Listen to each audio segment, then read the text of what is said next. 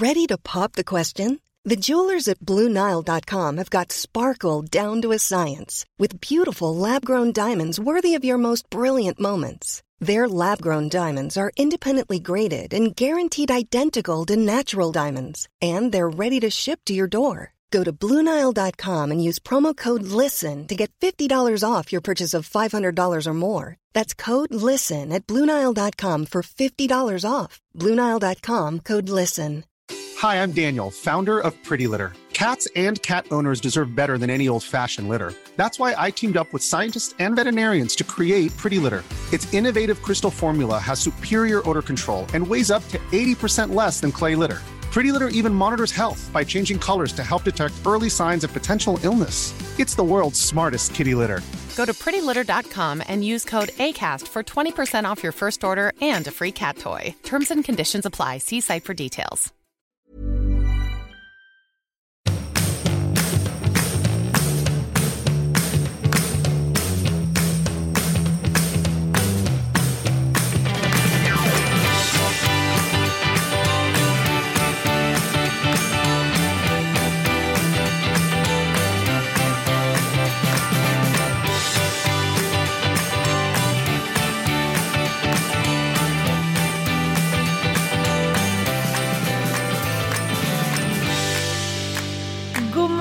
Middag, god kväll din gamla rasist. God morgon, god middag, god kväll. Min gamla rasist. Alltså herregud vad det kan ta skruv alltså.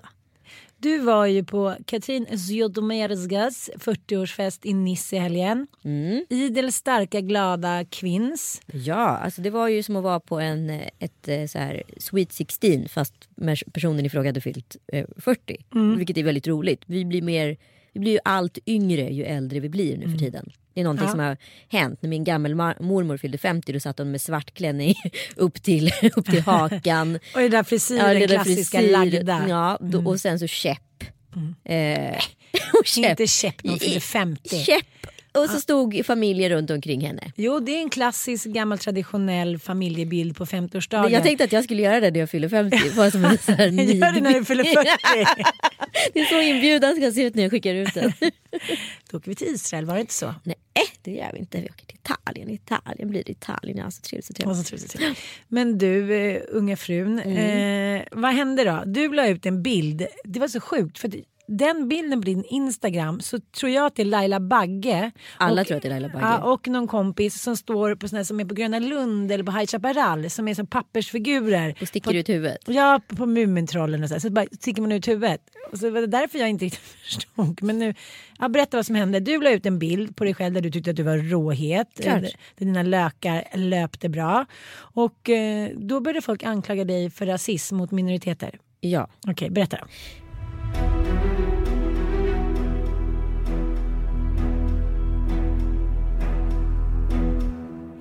Bingo Rimér dokumenterade mig under kvällen. I svartvitt. på bilden poserar jag oerhört spontant eftersom vi stod bredvid varandra på dansgolvet med två kvinnliga franska dansöser som har fjäderskrudar som huvudbonad. Detta anses också vara indianska war bonnets, alltså stridsmasker eller vad man ska kalla det för, eller huvudbonader. Eh, det anses som kulturellt approprierande som nu också har blivit en absolut rasistisk handling.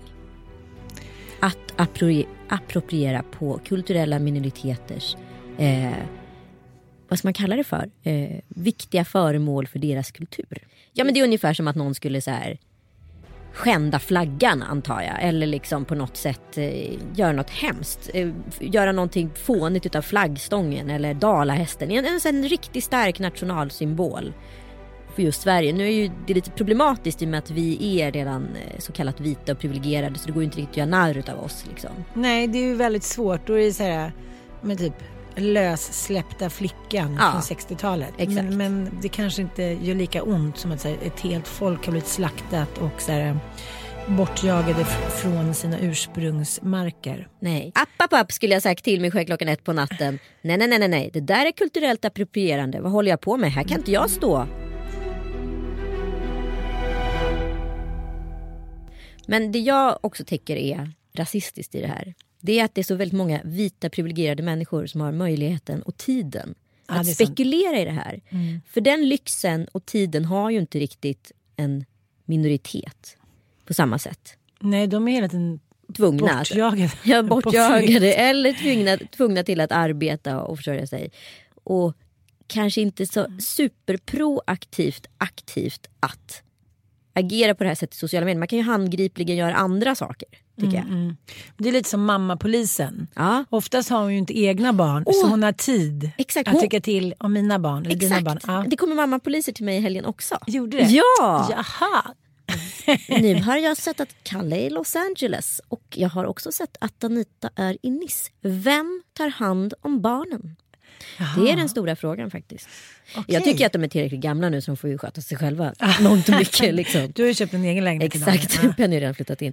Eh, nej men så här är det ju, alltså, även när jag levde i relation med Kalle så kunde det ju hända att vi hade barnvakt och gjorde någon rolig grej på helgen. Nu har jag haft lyxen av att ha haft turen att alla de här bröllopen och festerna som jag har varit på under det här året har lyckats infalla på pappaveckorna. Men det här var första gången som ett kalas inträffade på en mammavecka. Men som tur var har ju vi ett ganska fint nätverk utav andra vuxna som gillar att hänga med våra barn. Så som min gudmor och hennes mamma som är liksom, eh, typ bonusmorföräldrar som jag berättat förut i podden. Så de har haft en superhelg helt enkelt med eh, sina bonisar. Det är så konstigt för det bästa som eh, Bobo vet är när farmor och farfar kommer hämtar. Och Men kan, det är ju faktiskt övergrepp. Det får du inte glömma bort. Att farmor och farfar hämtar honom? Ja, Ja, det är ju sen, ja, nej men alltså om enligt mammapoliserna. De ska aha. ju vara mycket mer, alltså du ska ju vara med dina barn. Det får du inte glömma bort. Det finns ingen som är så mycket med sina barn. Jag är för mycket med mina barn. Alltså. Okej, men, men jag kan ändå förstå tanken att det är väldigt lätt att ta någonting som man själv tycker är faktiskt kulturellt appellerande. Någonting som man tycker är lite sexigt och vackert och ha det då som en dansare eller hit och dit. Men samtidigt ska jag också säga, är inte det också Vadå, vad sa du nu? Kulturellt Nej, appellerande? nej, men jag tänker så här, det här som du blir anklagad för. Då, att, eller det är ju indirekt det är ju de här danserskorna som blir anklagade. Ja fast för, det blir jag som är anklagad för rasismen för att jag är den offentliga personen som poserar med. Jo, så att de har inte gjort något fel. Nej det är jag som har gjort fel som har lagt ut bilden. Ah, så man får eh, ta eh, liksom ett kulturellt betingat eh, uttryck, man ska säga, eller deras heliga uttryck om man Mm. ska säga, i prylar, accessoarer, om, om man inte är känd. Eller jag vet inte. Det är många tror jag som har felat i den här ledet. Okej, Alltså, jag tror Bingo har gjort fel som har tagit bilden. Mm. Jag har gjort fel som har lagt ut den. Eh, och de har gjort fel som har haft på sig de här kläderna. Vi var ju på Book of Mormons i fredags. Just det. Vad Och- tyckte du? Nej men jag tyckte den var helt fantastisk. Visst är den geni? Jo men jag, det var inte alls som jag hade tänkt mig. Nej. Jag trodde att den skulle vara mycket mer liksom allvarlig och eh, jag menar, mer politisk. Den är ju superpolitisk. Den är superpolitisk men den är Men- på ett väldigt snyggt sätt. Ja. Ja. men då sa min kompis Ninni, hon sa så här, ja men gud jag garvade så jag kissade på mig när jag såg det. Så, Va? Jag blev förvånad. Vi har inte riktigt pratat om... Eh, jo det har vi, fast vi går ju och pratar med dig om massa saker som går in någonstans och så går ut någon annanstans. Jag var ju där med syrran och hennes barn och Ossian och hit och dit. Eh, Ossian fyllde år. Och eh, jag tyckte den var helt otroligt bra. Och det som var liksom helt chockerande bra var den här Per Andersson. Men pappa gick i pausen, han tyckte det var för mycket snusk. Jag satt ju bredvid Björn Skifs på premiären. Ja, ja. Jag har ju aldrig sett en haka trilla ner så och tungt, blytungt i vad heter det, golvet. Spök. Som när de börjar med sina knulla gud i rumpan, knulla Ja. grodor i rumpan, knulla spädbarn. Ja men du vet, den är ju liksom. Och det handlar ju om att de i då Uganda som de ska komma och frälsa mormonerna tror att man kan bota hiv med att ha sex med småbarn. Vilket så Ja, det så faktiskt är är. det, ja. Sen är det väldigt ironiskt skrivet, det är ju killarna som har gjort South Park som har liksom gjort den här musikalen. Det är bara det är icke-traditionellt med den. Eh, och sen är musiken otroligt bra men det är grova texter så det går inte att gå och sjunga på den, på låtarna liksom. Det kan ju inte vara så jättelätt att översätta. Hazadiga i boai. Men, men snygg översättning. Men de- den musikalen skulle man ju kunna kalla för sjukt rasistisk i så fall. Absolut, Ja. den om något kanske är kulturellt approprierande. Men eh, ja, det är lite... Det är svårt det här. Jag tycker det är jättesvårt för det har ju varit liksom mycket om, eh, nu har ju alla börjat använda de här mexikanska skallarna på, liksom, det finns en snapchat-filter liksom, men det är ju också en kulturell appropriering. Absolut. Eh, ja. Och det är ju svårt liksom. ja, det är Eh, svårt. för så här, ja, vi, jag tror inte liksom någon som använder dem tänker på ens att man så här, tar etniska minoriteters uttryck och, och förstör dem. Fast det är väl det, kanske det man gör. Och det är ju svårt att veta var man drar gränsen. Ja, men du får be om ursäkt om någon tog illa upp tycker jag. Absolut, om någon tagit illa upp så, så ska jag tänka på det. Eh, jag kan inte svära på att jag kommer göra om det. kanske ska ha indiantema på din 40-årsfest. Ooh. Indien, indian. Gud, kan vi, inte, kan vi inte bara prata om en överklassfest som jag vet om? Eh, som det var Afrika-tema på.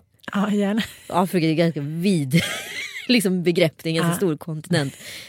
det ser inte riktigt likadant ut i norra Afrika som det gör i Nu södra. så skrattade vi, nu kanske vi är rasistiska. Nej, ja, man vet inte. Gud det är så läskigt det här. Shit. Mm. åsiktskorridoren är så jävla snäv här så det gäller att säga rätt Okej, grejer. Du var på en fest och temat var Jag var Afrika. inte på en fest, jag har en kompis som var på den festen. Temat var Afrika. Och på festen så sjunger Afrodite. Mhm.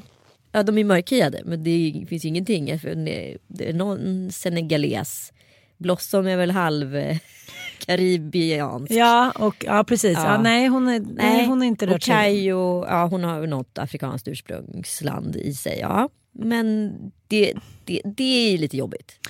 Men vad sa du att de hade gjort? De uppträdde på festen med Afrikatema och sjöng som Afrodite. Det här var ju tio år sedan, kanske lite mer. Men gud, det skulle aldrig kunna släppas igenom nu. För de skulle vara mycket mer medvetna. Ja, det är lite som att du läste om p-pillret häromdagen som var så, här, så revolutionerande. Så här, kvinnan så lycklig, nu kan hon ligga utan att bli med barn. Bla bla bla, frihet. Hon slipper vara orolig hela tiden.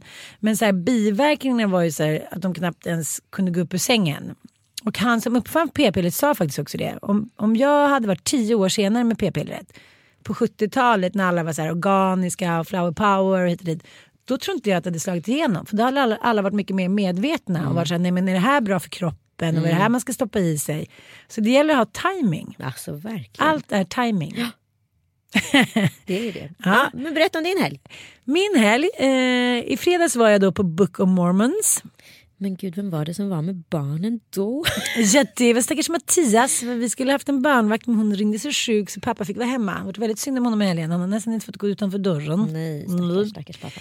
Men det som hände var att min Ossian fyllde ju 15 år. Och eh, ja, han fick en elmoppe i födelsedagspresent.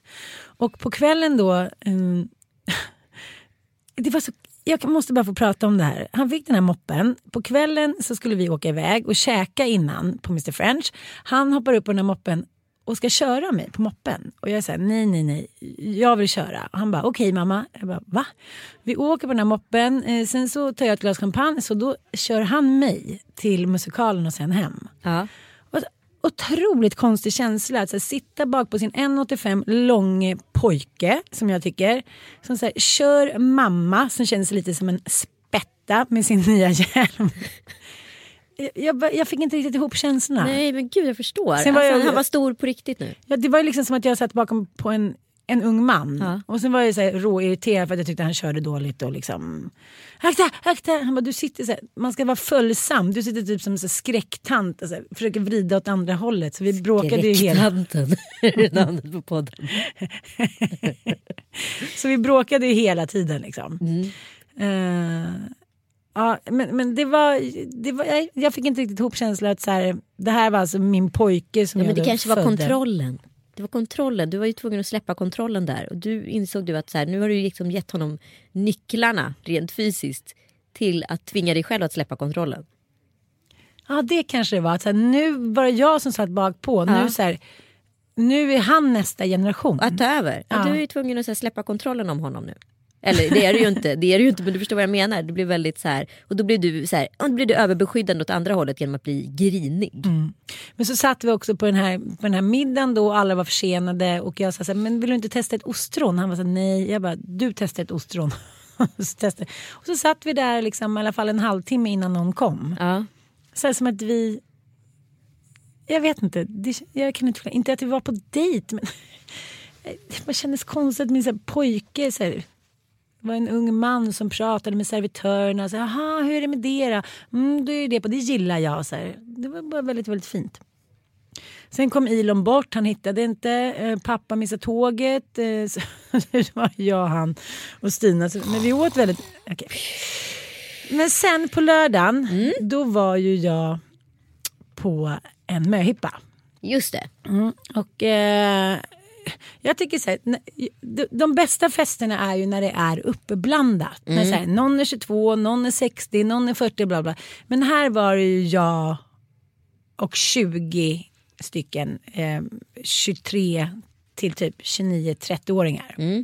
Och eh, jag kommer bara ihåg såna grejer som att liksom, ljudvolymen har man ju dämpat lite. Nu är det mer att man är på middag och sen kan man ju picka lurven och ha kul och parta och festa. Men det börjar ju lite lugnare och sen så liksom vrum, Ja. det går liksom som lite så tornadoaktigt.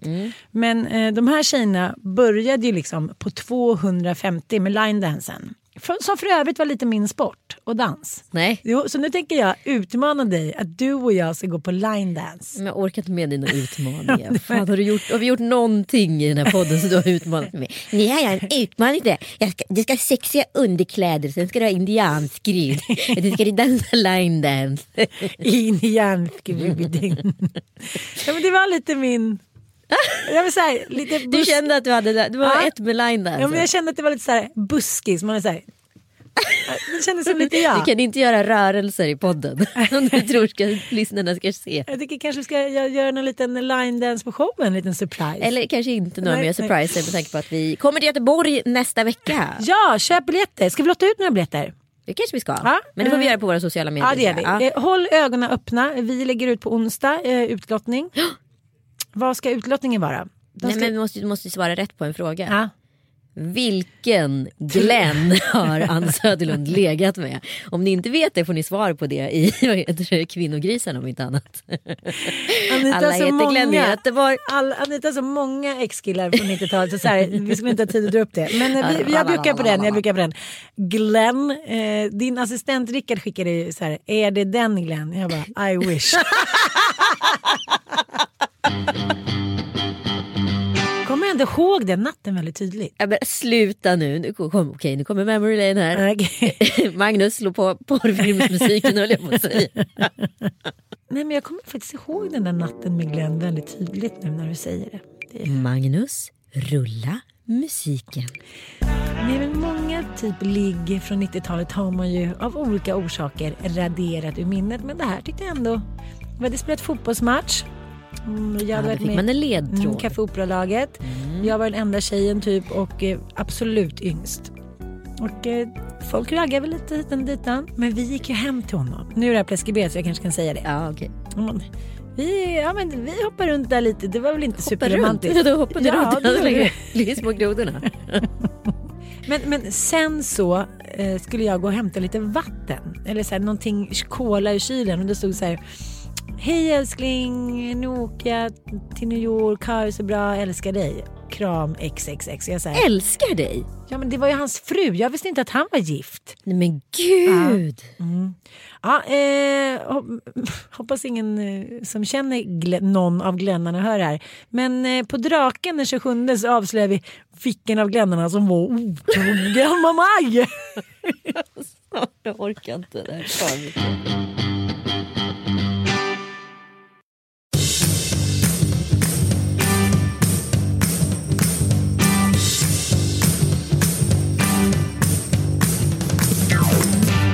men den här möhippan var i alla fall... Eh, Ja, nu är vi tillbaka på möhippan. Okej. ja, men det kan vi. Ja. För det här var ju bara en passus. ja, ja, absolut. Mm. Men, men det som hände var att det var helt otroligt. Så åkte vi hem till, till en av Anjas tjejkompisar och hon Vi tatuerade pratar sig. alltså om Anja Forsnor. Ja, en L-profil. Och så en druva också. Mm. Men det som jag hela tiden förvånades över var hur snabbt de hela tiden... Förstår du? Ja. Så här lekar, musik. Helt plötsligt var det så här 20 personer som bara dansade i en så här organisk massa. Drinkarna kom, det var bartender, det var DJ. Det var så otroligt bra organiserat. Jag tänker på så här, när man själv ordnade någonting i den åldern så var det så här. Hejsan svejsan, kan Leffes brorsa komma hit och strippa lite kanske? Det har liksom styrts upp om man säger så. Ja. Mm. Nej, det, var, det var faktiskt jättekul, det måste jag säga. Men eh, ja, kände mig... Jag tyckte det var väldigt roligt, men, men jag kände mig lite gammal faktiskt. Gjorde det? Inte gammal, men jag kände så här... Antingen- jag upplever att det där många gånger är en känsla man, som är självvald. Ja men den är ju självvald Ja. och det märkte jag ju. Men jag tror att det, det var lite så här, när alla började gå riktigt bananjas. Då var det så här, okej Dante ska på fotbollsmatch. Fast det grejen är ju när det inte finns någon inte. annan som är liksom, alltså, för jag var ju med om det där i Gävle för där var ju alla liksom mellan 24 och eh, 30. Ja, Och när det inte finns någon mellan, precis. Om Då- det hade funnits en. ja, då blir man ju liksom den som sticker ut. Mm.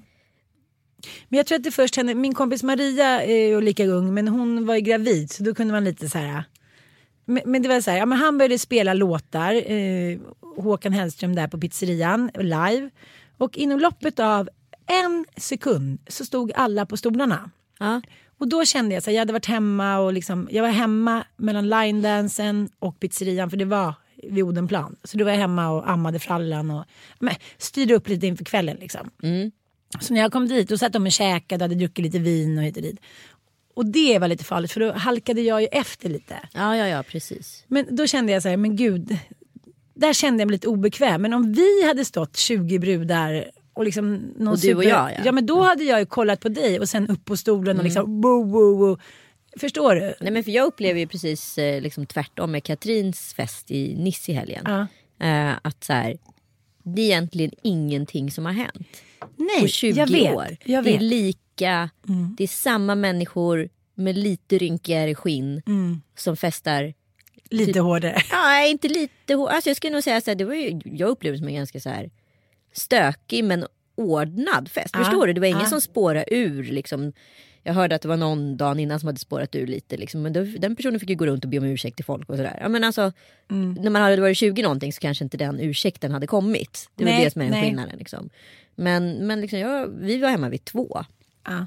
på hotellet för vi skulle flyga vid tio dagen efter. Liksom. Så det var ganska lagom kände jag.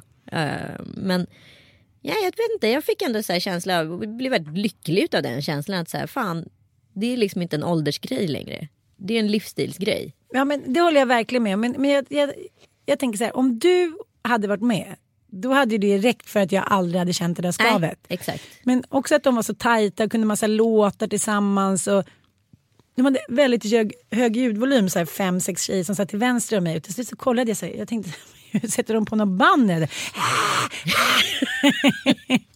så det var ju liksom en...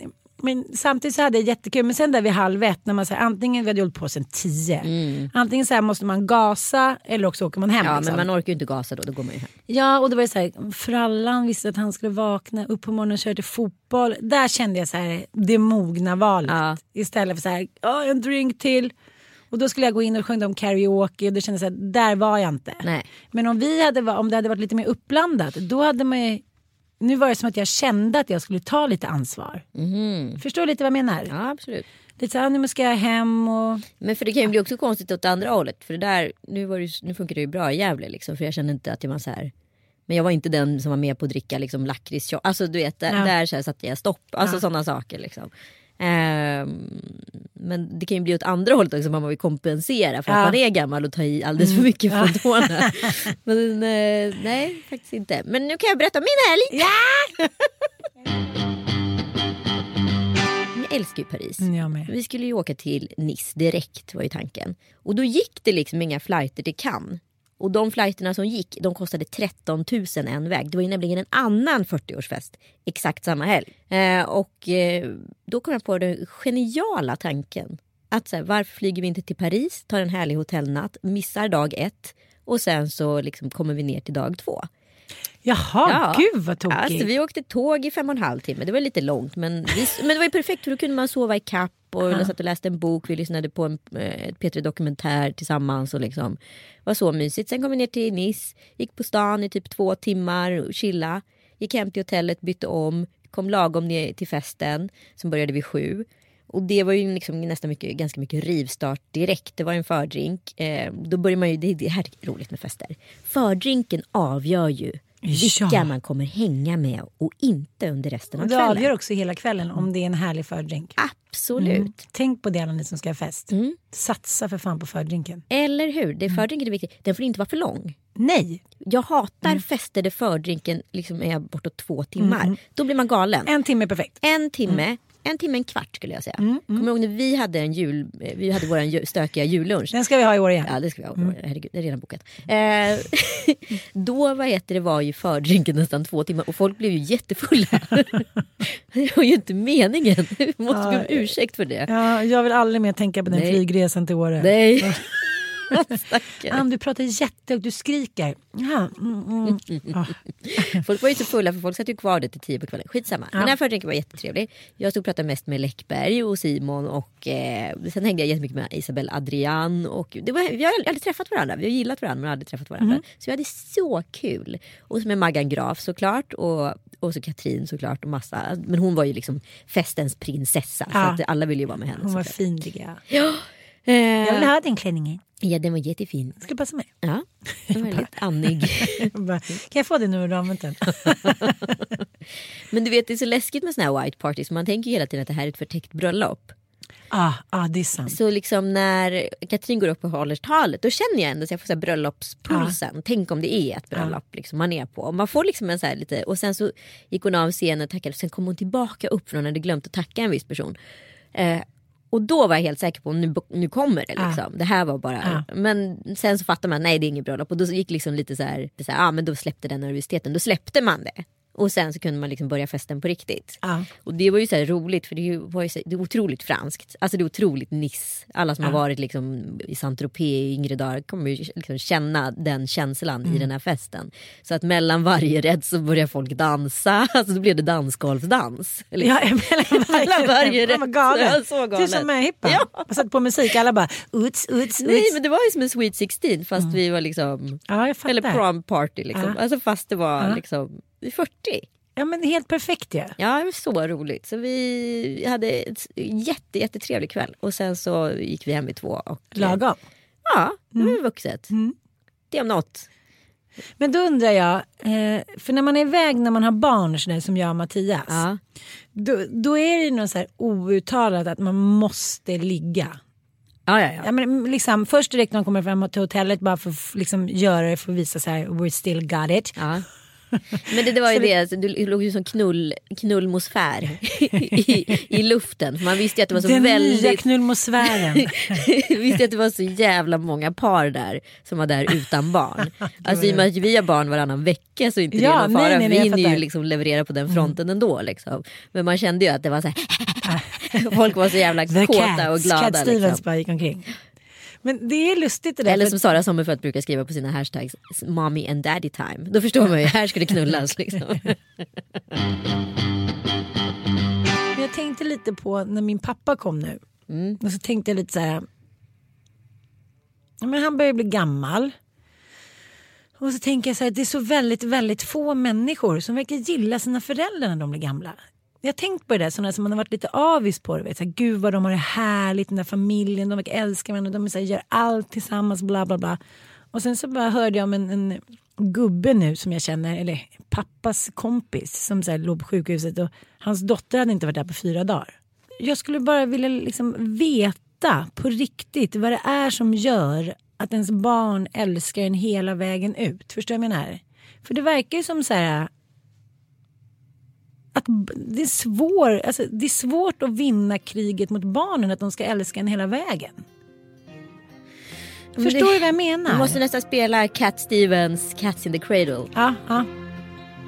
A child arrived just the other day He came to the world in the usual way But there were planes to catch and bills to pay He learned to walk while I was away, and he was talking for I knew it.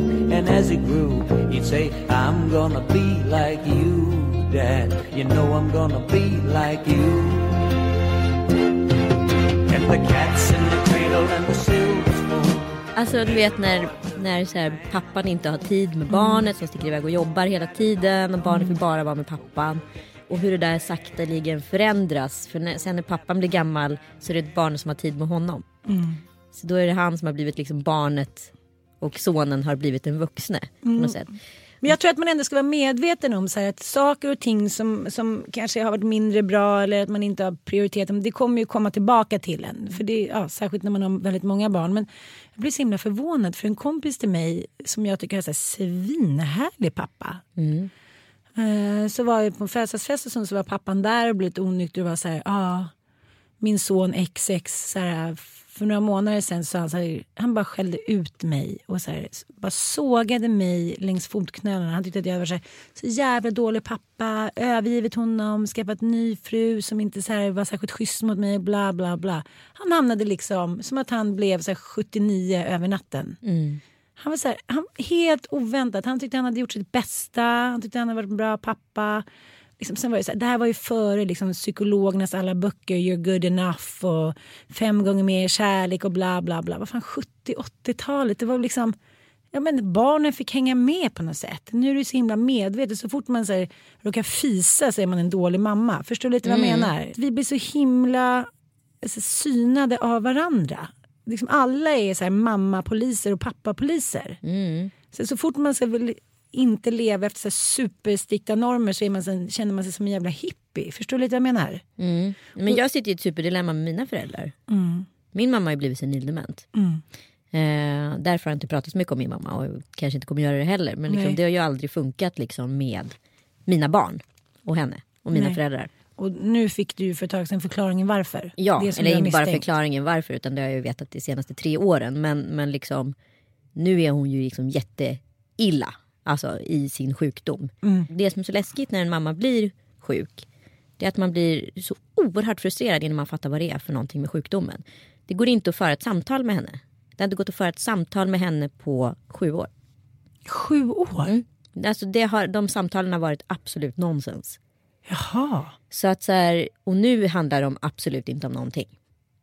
Nej okej. Och min pappa har ju såklart det, det som är problemet med senildemens eller Alzheimers det är ju att det är en sjukdom som man blir väldigt medberoende av. Så att han har ju varit i förnekelse med det. Jag har ju kämpat att försöka få min pappa att förstå att så här är situationen. För jag förstod ju det för tre år sedan. Ehm, och vi fick också läkarbevis på det. Ehm, och liksom, för mig så blev det ju på ett sätt bättre för då fick man åtminstone ett begrepp. Att formulera alla känslor runt om och alla frustrationer och allting. För en, så här, en mamma som inte har varit intresserad av ens barn, varför hon inte det, vad är det för kall person och så vidare. Men det har ju hängt ihop med sjukdomen. Hon har ju ingen aning om att Tom Allan överhuvudtaget ens existerar. Penny min son. Nej är det sant? Så det är ju liksom svårt och här känner man ju sig lite... Här är det jobbigt att vara dotter tycker jag och framförallt vara ensam barn. Ja. För att så här, hon, är, hon måste ju in på institution, eller hon är ju på väg in på institution. Liksom. Men, men liksom, man orkar inte. Det är svårt, det är en svår sjukdom, man orkar inte och min pappa håller på att knäckas fullständigt. Hon tar ju väldigt mycket energi. Men hon bor hemma? Hon bor fortfarande hemma, men på väg in. Eh, och nu ringde hon i morse och eh, var liksom ledsen för något oklart. Hon vet ju inte vem pappa är. Eh, pappa sa att han orkar inte mera. Eh, och vi måste hitta en väl, lösning väldigt akut. Liksom. Hon kan inte bo hemma längre, så är det ju bara.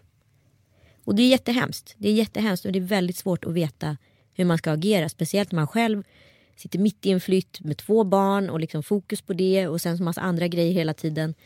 Det, det är så här, man ska prioritera föräldrarna men man, det är svårt att veta när man ska prioritera föräldrarna och hur. Man försöker göra, jag jobbar jättemycket med, liksom, aktivt med att ta hand om omsorgen och försöka få den att funka. Liksom.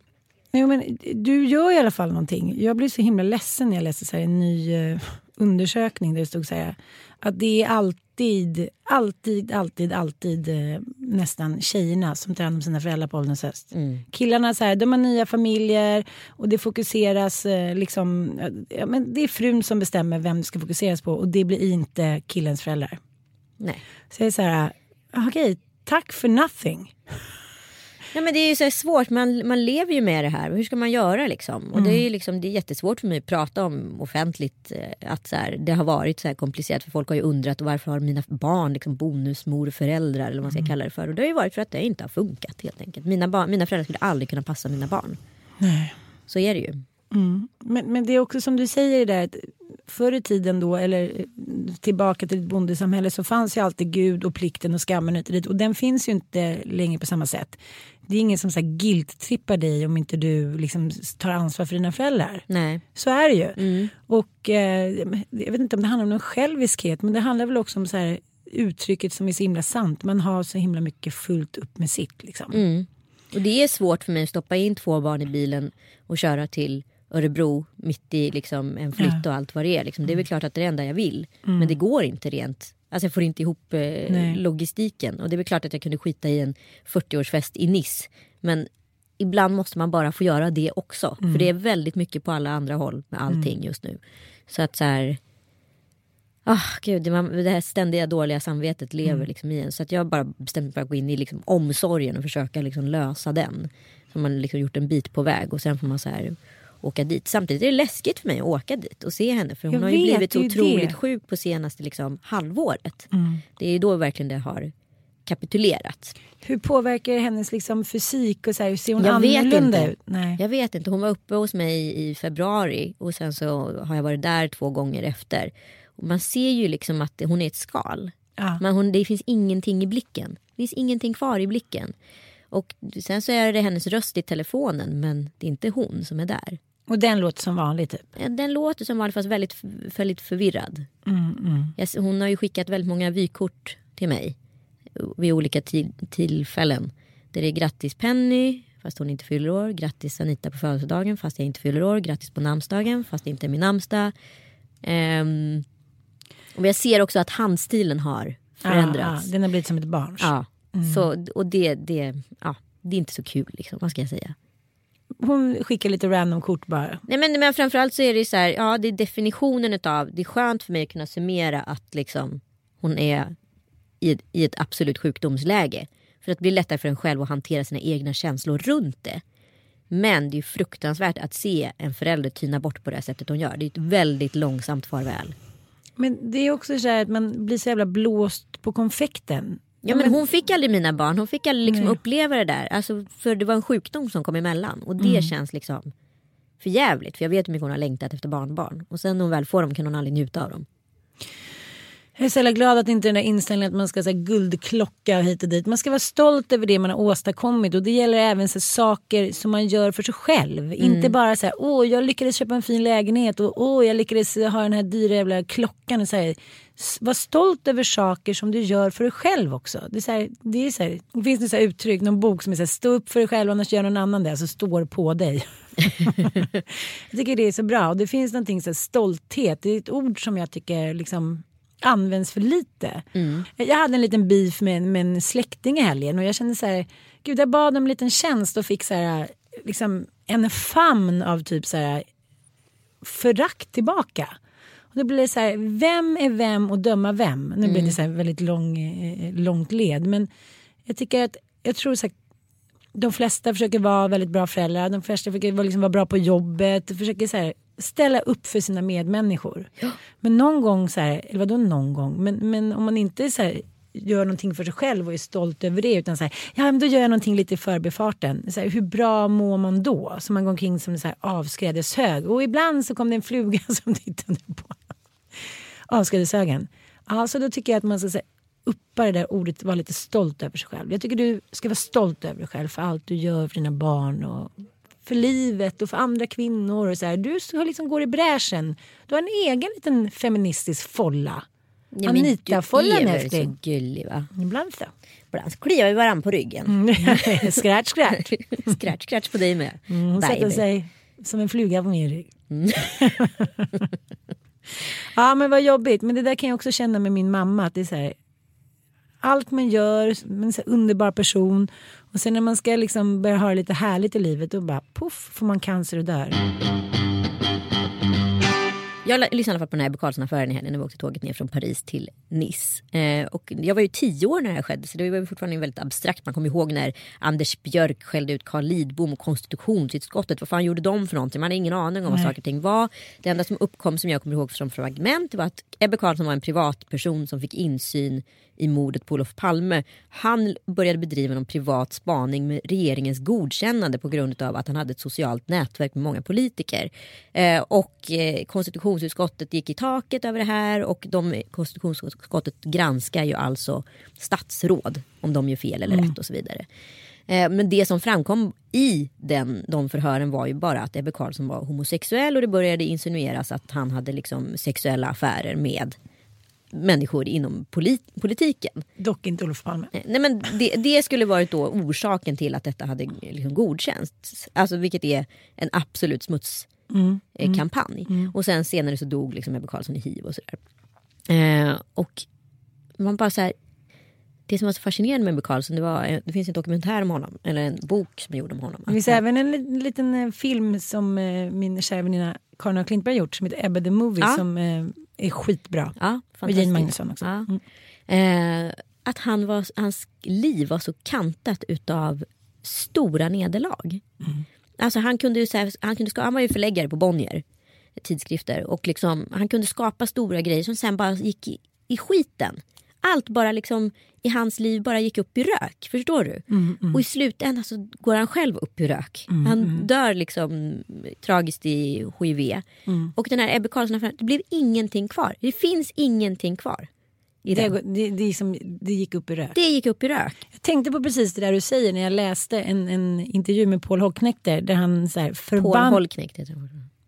Ja. Nej, men han har lagt till ett er då.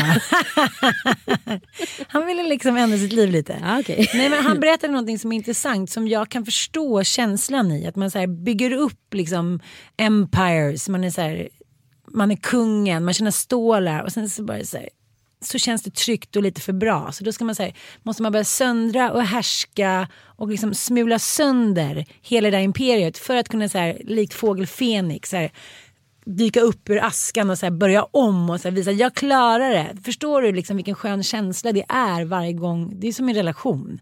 Man tänker så här, Gud, nu har man räknat ut den och sen så men, det var en liten löjlig metafor men så, så här, ligger man med varandra och så hittar man något litet korn och så tänker man så här man reser sig igen och typ, vi kör på lite till liksom. Vi är Romeo och Julia. Eh, kanske lite Ebbe fast Ebbe så var det inte så mycket att han någonsin, han slutade ju aldrig på topp. Nej, och det är så tragiskt och det är många som är såna. Alltså det är många, antingen kan man ju vara Paul Holknekt eller Donald Trump eller Ebbe Carlsson. Alltså, alltså det är slumpens hjältar, förstår du? Ja, men de får i alla fall bli inskrivna i historieböckerna. Absolut, men det jag tänkte på som är så tydligt som man aldrig pratar om. Det är att så här, det var ingen som pratade om diagnoser på den tiden. Nej.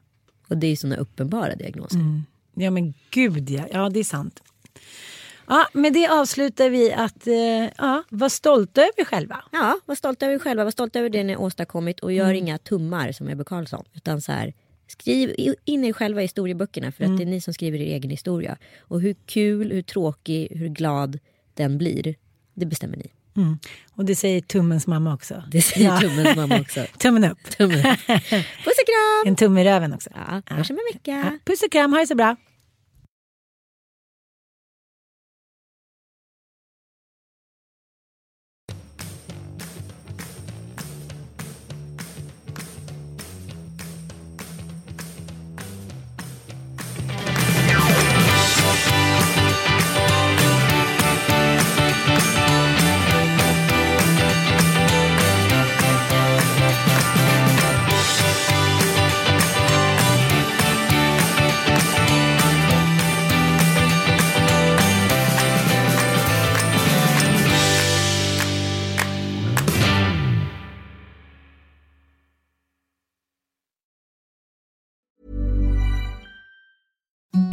Imagine the softest sheets you've ever felt. Now imagine them getting even softer over time. That's what you'll feel with Bowl and Branch's organic cotton sheets. In a recent customer survey, 96% replied that Bowl and Branch sheets get softer with every wash. Start getting your best night's sleep in these sheets that get softer and softer for years to come. Try their sheets with a 30-night guarantee. Plus, get 15% off your first order at bowlandbranch.com. Code BUTTERY. Exclusions apply. See site for details.